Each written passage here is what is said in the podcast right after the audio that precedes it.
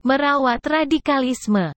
Kita sering lupa bahwa radikalisme bukan semata persoalan internal pemahaman agama, tetapi juga merupakan atau bisa dipantik oleh faktor-faktor eksternal seperti ketidakadilan, marginalisasi, pelemahan sosioekonomi dan politik, serta penjajahan.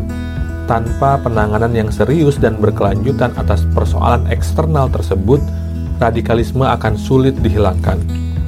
Sebagai contoh, Pemerintah Amerika di satu sisi mengeluarkan dana miliaran untuk counter radikalisme melalui program-program sosial dan edukasi.